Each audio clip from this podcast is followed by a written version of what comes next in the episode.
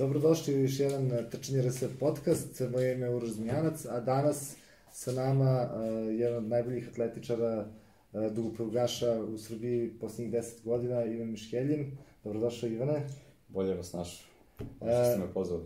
Nema na čemu, za naše zadovoljstvo je naše. Uh, ajmo odmah da kažemo razlog za, za ovaj naš razgovor jeste desetogodišnjica tvog bavljenja maratonima i ultramaratonima. Ove, I e, jedan lep povod, to je e, izlazak tvoje knjige u kojoj si pisao svemu tom, tako da to će biti, pretpostavljam, i teme našeg razgovora. Pa jeste, evo, e, navršava se 10 godina kako trčim. Ova knjiga je kulminacija, jel, mojih deset, de, mog desetogodišnjeg jel, rada, odnosno trčanja, trka. U ovoj knjizi sam opisao veliki broj trka, način pripreme, ljude, doživljaje, ono što sam doživljavao na trkama, kad mi je teško, šta sam mislio, zašto sam se hvatao, ljude koje sam sretao na trkama i sve. Bukvalno 10 godina mog e, trkačkog života, da kažem novog života. Ja sam pre 10 godina počeo i da trčim. I bukvalno trčanje me pretvorilo u jednu potpuno drugu osobu, bolju osobu. E, naravno, da ceo razgovor ćemo posvetiti tome, ali ajmo za početak e, ovaj, da se zapravo čujemo od tebe ovaj, koji ima Miškeljin, osim e, što je ultramaratonac i maratonac. Čime se ti baviš i kako izgleda jedan tvoj dan, tvoj život, čime se baviš? Pa evo, ja sam, da kažem, otac tvoje dece, oženjen sam, e, imam starijeg sina Andreja, on će sa 9 godina, mlađe Galjušu, on će 4, suprugu Ivanu. E, zaposlen sam kao profesor fizičkog vaspitanja u osnovnoj školi Isidora Sekulić u Gavrilo Principa ulici. Predajem deci od 5. do 8. razreda. Pored toga sam i trener atletike. Bio sam jedno vreme i trener Adidas Running tima. I bukvalno radim i kao profesor, a trčanje je, kako da kažem, jedan hobi. U stvari, kad kažemo hobi, to možda blago zvuči. Trčanje je moj život, moj, pa kako da kažem, paralelni život. da. Ovi, e, sad, meni je jako zanimljivo, obzirom da si ti u sportu, skroz u sportu, znači kao profesor sa, sa, sa, sa decom, znači da na početnog ovi, E, stadijuma kada mi svi krećemo u, ne, u neko bavljanje sportom, pa preko onda si krenuo da se baš rekreativno trčanjem i da kažemo do, došao do nekog nivoa reprezentativnog i obišao i neka svetska prvenstva i video novi različite, različite načine kako se ceo taj sportski sistem funkcioniše. E, gde se osjećaš najprijatnije? Gde sam se osjećao najprijatnije? Na svim mestima gde sam bio u, u te tri uloge, kao profesor, kao, kao, kao uh, rekreativni trkač ili trener atletike ili na kraju kao reprezentativac na nekom velikom takmičenju? Pa kao reprezentativac. E, stvari, kako da kažem, od svih mesta koje sam opisao u ovoj knjizi, najlepše sam se osjećao u Japanu. Mogu da kažem, eto, povezao bih dve stvari. Na svetskom prvenstvu u Kataru tečalo je se trkan ultra, e, prvenstvo sveta na 50 km. Vrtali su se krugovi u 2,5 km, staza je bila te dužine i u jednom trenutku protečavao sam pored jednog reprezentativca Japana koji je već hodao. Kada sam vidio da hoda, ja sam mu mahnuo ovako rukom da se on vrati u trčanje, da mi se pridruži. I on se vratio u trku i završio je celu trku zajedno sam. Meni je to okej, ostalo u jednom lepom sećanju, međutim dve nedelje nakon mog povratka u Beograd dobio sam poziv od e, japanskog reprezentativca da dođem u Japan da trčim ultramaraton na 100 km. Kyotango ultramaraton. Kažem, to je velika čast, Japanci su super sila ultramaraton. Ja sam mu se zahvalio i rekao, ali finansijski, nažalost, nisam u situaciji da pokrijem put a on im je posle odgovorio da, uop, da će njegova federacija pokriti put, da ja ništa ne brinem, da on, e, da je njemu ostalo u sećanju, najlepše je to kad sam ja njemu mahnuo rukom da se vrati. I samim tim, e, da neki način o, e, sam mu dao e, novu, nov elan i novu moć da on završi trku. I zahvalnosti on je meni patio put da odem u Japan i da učestvujem. To, to, su, to su te neke fantastične priče koje nam trčanje donosi, ovaj, generalno taj fair play koji je na stazi, ovaj, podrška seansa i zato, zato valjda svi toliko volimo ovaj, te maratone i, i sve. Ovaj. E, ajmo da se, da se ovaj, osvrnemo i na, da kažemo, naj, najskoriju prošlost. Prošle nedelje je održano prvenstvo Srbije u ultramaratonu, tako, i tu si na 100 km, pošto već pričamo o trkama na 100 km, zauzeo, koliko, koliko sam ja ispratio, drugo mesto, tako ste. Ovi, kakvi su ti ustisci sa, sa prvenstva Srbije, kako, kako je tu, ovi, e, ako možeš da nam kažeš, e, možda da uporediš u stvari e, kako izgleda prvenstvo Srbije, na primjer, odnosno na prvenstvo sveta, da kakve, kakve su dimenzije? Pa znate kako, e, prvenstvo sveta je zaista, e, mnogo više druge zemlje ulažu u ultramaraton. E, iskren da budem, e, u svetu mnogo više se i poštuju ultramaratonci nego kod nas, nažalost. E, mora, da tako kažem, ultramaraton je mlada disciplina u Srbiji i on treba vremena da sazri. Druga stvar, e, ult, disciplina ultramaraton. E, moraju da trče trkači koji već imaju veliko iskustvo, koji su trčali maratone, koji imaju neki staž. E, zaista, mali broj se ljudi prijavi da trči ultramaraton iz razloga što je veoma naporan.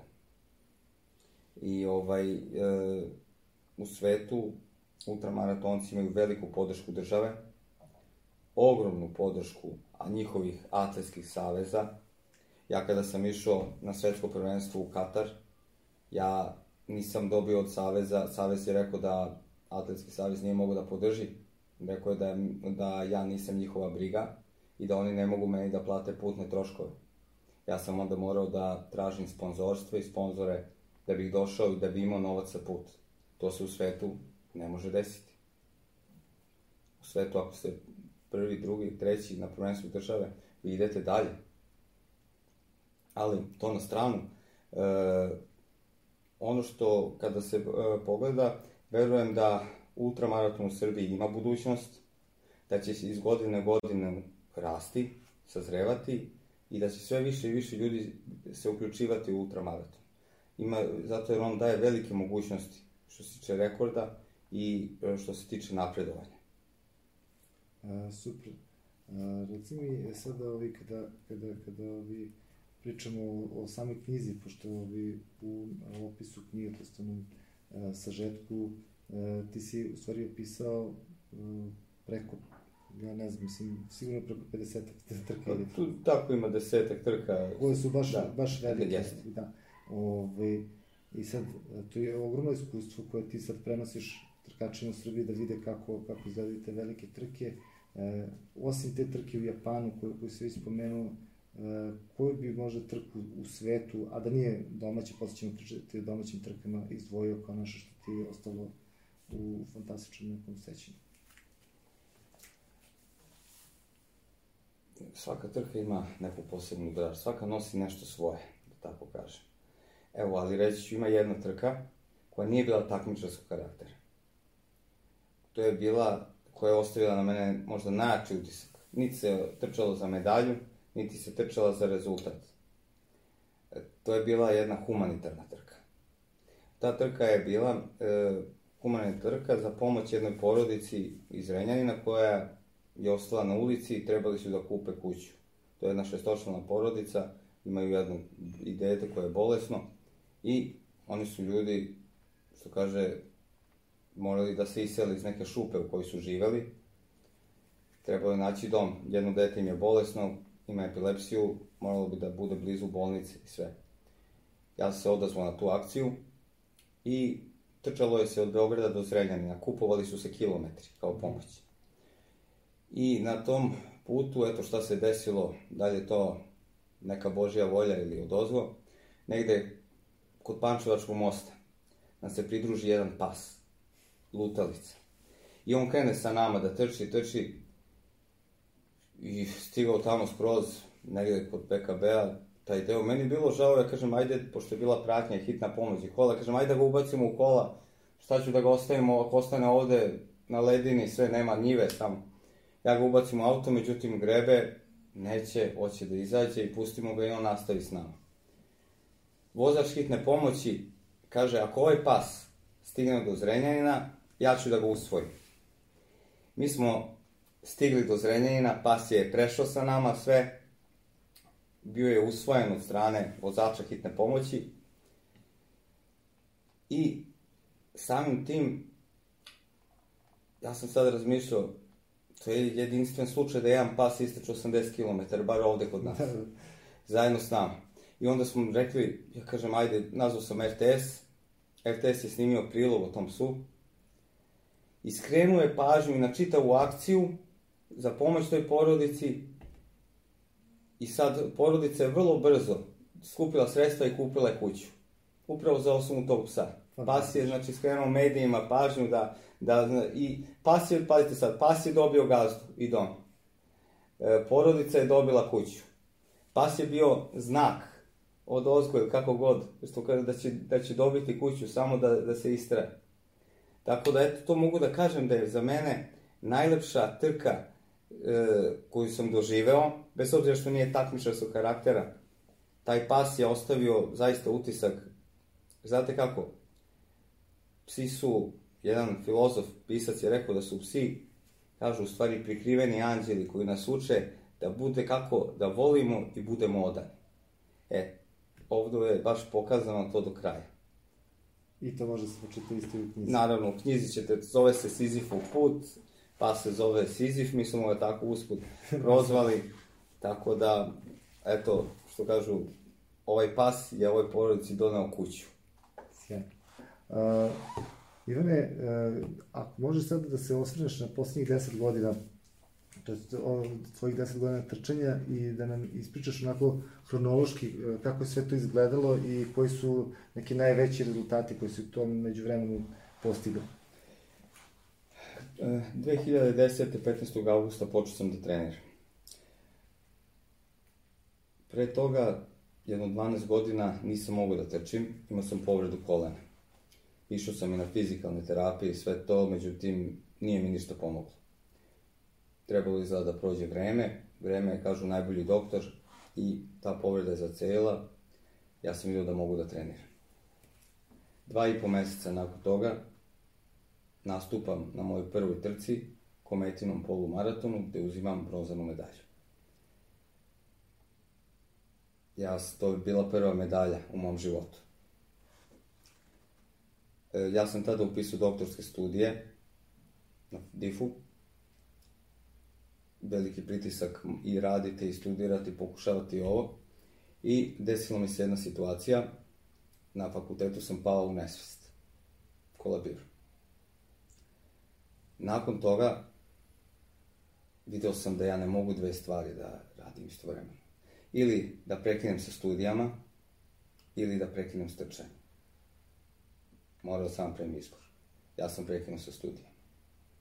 Ljubav prema trčanju je bila mnogo jača. Nakon toga, tog pada, otišao sam, snimili su mi, uradili su mi magnetnu rezonancu glave, i rekli su mi da imam cistu na mozgu.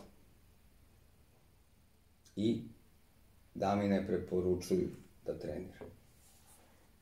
Jak intenzitet već. Sam rekao, ja moram da treniram.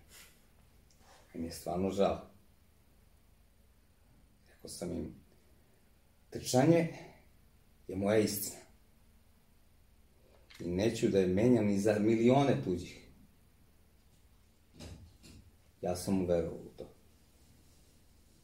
Evo, deset godina od kad trčim, nikad mi se nije ponovilo to. Znači da sam ja bio u pravu. I onda nastavio dalje, nastavio sam da treniram. 2000, e, zatim e, dolazi Skoplje, 2011. uzimam prvu međunarodnu medalju, bronzanu, zatim 2012. maraton, prvenstvo, prvi maraton u životu i uzimam zlatnu medalju na prvenstvu države. Zatim 2014. i 15. opet takođe uzimam prva, postajem prvak države tri puta u maratonu. 2016. godine u ultramaratonu 50 km, moj prvi nastup, uzimam titulu prvaka države, obaram rekord države Srbije na 50 km i ostvarujem normu za svetsko. Posle toga odlazim na svetsko prvenstvo, uzimam 27. mesto na svetu u Kataru, u Dohi i onda idu, nastavaju se ultramaratoni na 6 sati, 2018. prvak države, evo sad i e, 2020. znači dve titule vice prvaka na 6 sati i na 100 km. To je zaista jedna fantastična uh, karijera i fantastičan broj uh, medalje, ali ono što je ovi nekako uh, ispomenuo si sada 27. mesto na svetskom prvenstvu ultramaratonu, E, to je nešto što je zaista e, fantastičan uspeh. On nekako, na koji način možemo da, da prikažemo našim e, gledalcima koliko je to dobar uspeh, koliko, sa čim bismo mogli da uporedimo, što, što bi mogli da jasnije. E, pazite, e, na svetskom prvenstvu dolazi suva eminencija ultramaratona.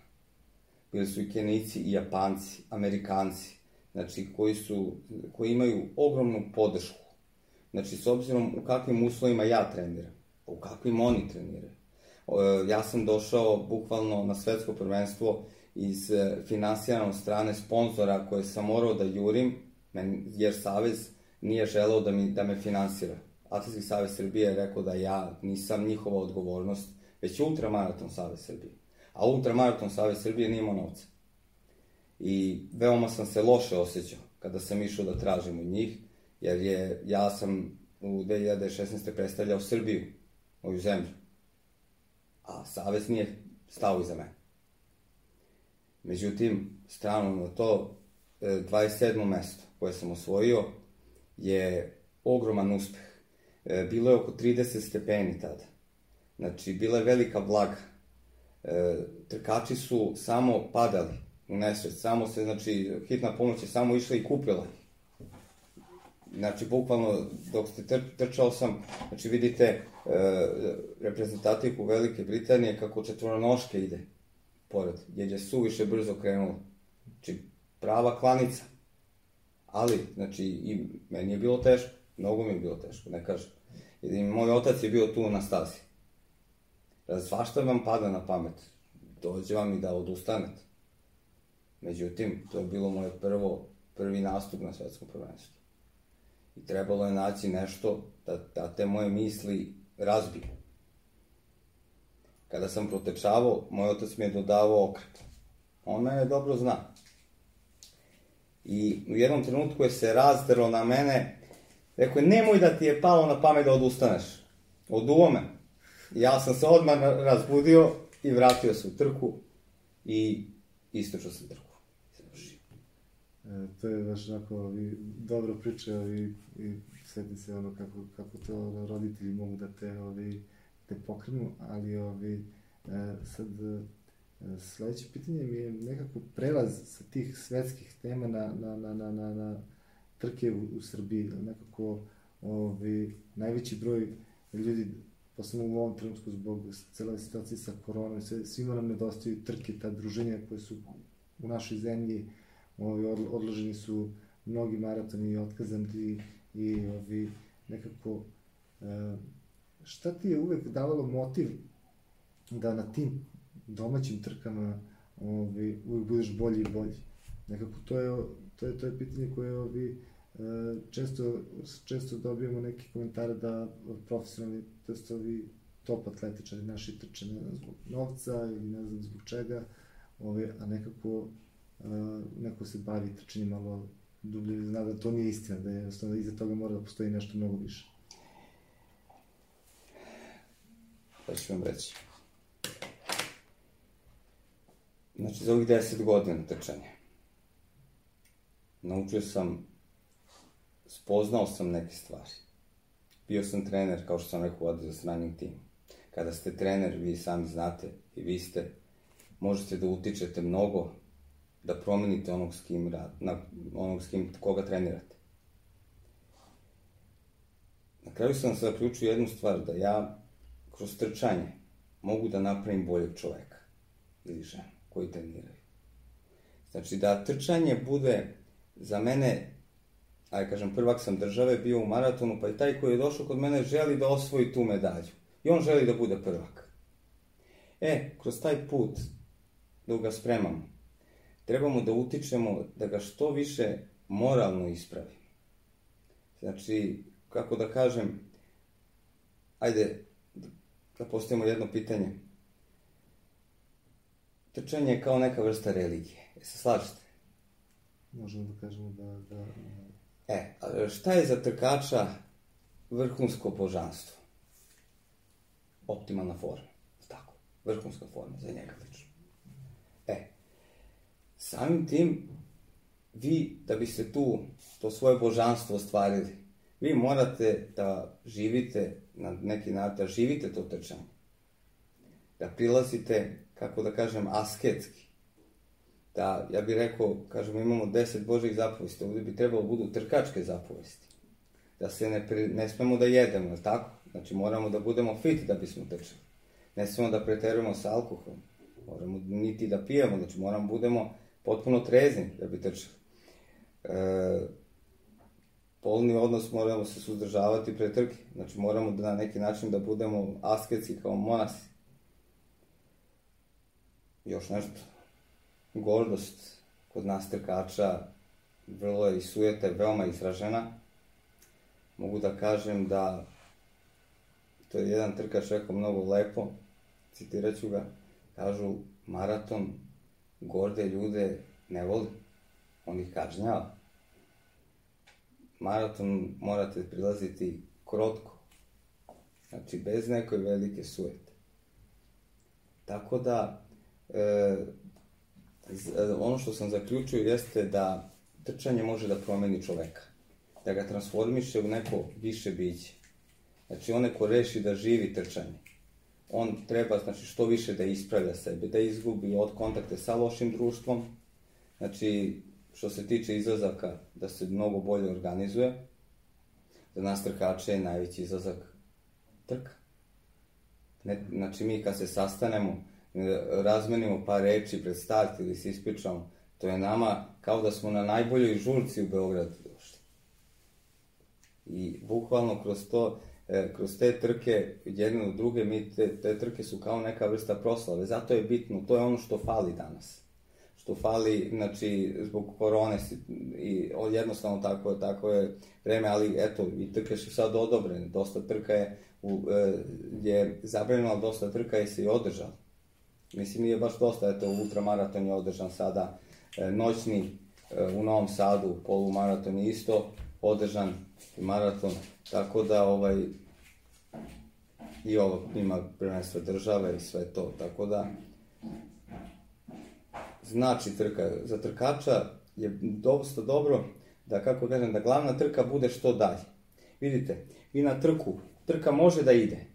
Može da vam krene i da vam ne ide. Možete da uspete, možete da ne uspete, bude velika vrućina, temperatura, ne uspete da istrčite pored toga što je spremno.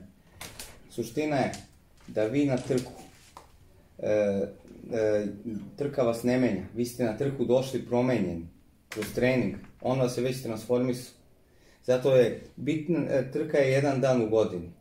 Ali vi put do te jednog dana u godini koji traje godinu dana ili pola godine treba da izdržite. E to je bitno. Upravo taj put je bitniji čak i od same trke. Eto, to je.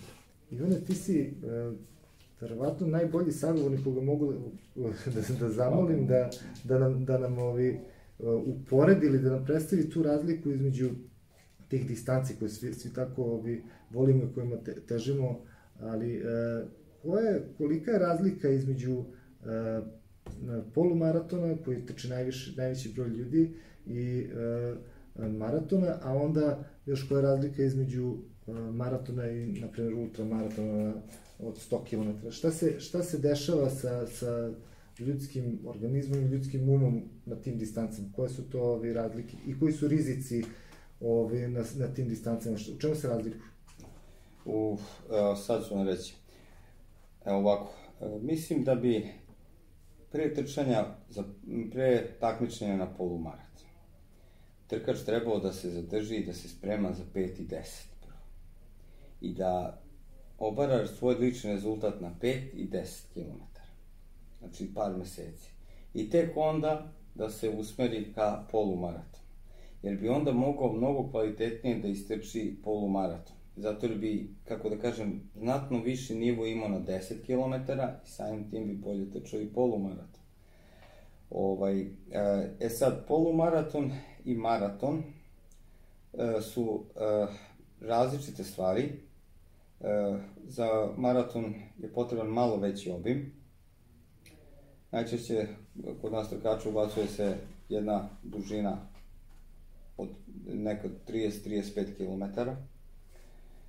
Međutim, e, ono što bi trebalo, ne bi, mislim da trkači ne bi trebali da žure sa maraton mislim da bi trebalo, ja sam tek nakon dve godine treninga usudio se da trči maraton. Mislim da bi trebali da se mnogo više zadrže na 5 km, pa i na 3, 5, 10 km. I polumaratonu, i tek onda, kada obore rezultate na 3, na 5, na 10, na 21, da onda idu na maraton. Zato će kvalitetnije sigurno trčati, bit će zadovoljniji. Mislim da bi današnji, eto, da kažem, trkači koji ulaze u priču i koji su već, e, dešava se da mnogi od njih svakog vikenda trče neki polumaraton. E, lično, dobro zavisi od motiva, neko želi da malo putuje, da vidi zemlju, eto. Ja mislim da bi možda trebali, pošto maraton možete da trčite kvalitetno dva puta godišnje. Znači, uvrh glave, znači na šest meseci jedan. I mislim da bi trebali e, da imaju više trka na 5 i 10 i 21, znači i samo dve trke u što se tiče maratona. Ultramaraton, kad znači, govorimo o 50 km, on može da se sprema kao maraton. E, već, znači, e, na 6 sati, 100 km, pa i, znači, 24 treba malo veći obim i spori intenzitet. E, ono što bih ostavio, eto da kažem svim trkačima, jeste da uvek, ako se spremaju za polumaraton ili maraton, da akcenat stavljaju na deonice. Da akcenat stavljaju na intervalni trening. Da im dužina bude isključivo kao oporavak. Ali da glavni akcenat budu intervali. I, ili, i jednom nedeljno tempo. Znači, tempo, mogu da kažem da će im najviše dizati formu. Čak i da imaju manji obim. Ako neki koji je trčao polumaraton reši da trči maraton, a ima jednom nedeljno tempo trening, on će istrčati dobro maraton zbog tog tempa. Jasno. Eto, to je ono neko moje lično iskustvo. I jedno pitanje koje, dok si, dok, dok si e, pričao o ovim temama trka i, i, i sada ovi maratona koji mi je palo na pamet, to je da, koji su ti najveći rivali ili ti ovi, najveći uh, motivi, ono, imamo u, svetu tenisa ovi, tro, trojku, četvorku, imamo u futbolu velike rivale, večeti derbi i ostalo, i nekako, ovi, ko su ti ljudi koji, koji su na istom putu kao i ti i, ovi, i, i bavite se ista stvari, ali jednostavno tvoji najveći rivali i ko te najviše od njih motivisao da budeš bolji sledeći put? Pa, e, mi se često sastajemo, znači da odradimo tempo jednom nedeljno na Adi. I to su, kako kažem, moji drugari, znači izvanredni ljudi, znači trkači koji upravo, to nam je, mogu da kažem, e, za nas e, dugoprugaše, naj, pošto najveća stvar kad se skupimo jednom subotom nedeljom radimo tempo tu je dođe Kristijan Stošić, izvanredan trkač, sjajan, znači čovek Miloš Dajović, koji je evo bio sad kao u, na svetskom prvenstvu na 50 km u Temišvaru, pa ovaj, Aleksandar Neševski, izvanredan trkač, E, tu su znači, e, Stefan Tovilović, isto jedan mlad trkač koji dolazi, koji će, čije vreme će tek doći. E, jedno, e, Anđelko Rističević koji treba da se vrati, koji je eto sad počeo ponovo da trenira, koji je izvanredan, e, sjajan čovek i jedan izvanredan sportista koji eto, baš kad sam ja počinjao da treniram, na neki način mi je često pomagao u treningu i ja sam pratio njegov ritam i to su, to su, mogu da kažem, ljudi s kojima onda, naravno, i postoji još, da ne, govor, da ne zaboravimo Darko Živanović, koji je izvanredan, koji je bio na olimpijskim igrama u Londonu. E, sja, to su sve, kako da kažem, sjajni ljudi, znači i ti ljudi kad najviše, najbolje, najviše napredujete kad ste u grupi. Kad imate jaku grupu trkača. I ako radite tempo na Ade Ciganliji, par kilometara vučete vi, pa onda se zameni samo drugi, pa vuče 2-3 km, pa treći. I vi onda praktično ne osetite taj intensitet koji bi vam bio toliko težak samo da vi sami trčite. I velika je stvar, znači imati grupu trkača blizu vas, da možete radite. Na takmičenju su, borite se naravno, ko će bolje da istrči i sve, ali ovaj, e, pobedi uvek bolji. Ali uvek se šta moje iskustvo lično, kad god bih pomogao rivalu, ja bih pobeđio. Znači, kad god sam dodao tom nekom uzeo okrepu i dodao i njemu dve okrepe jednu i ja bih odlično prosao na trči. Mislim da se dobrotom najbolje pobeđuje. Sve. Ovi,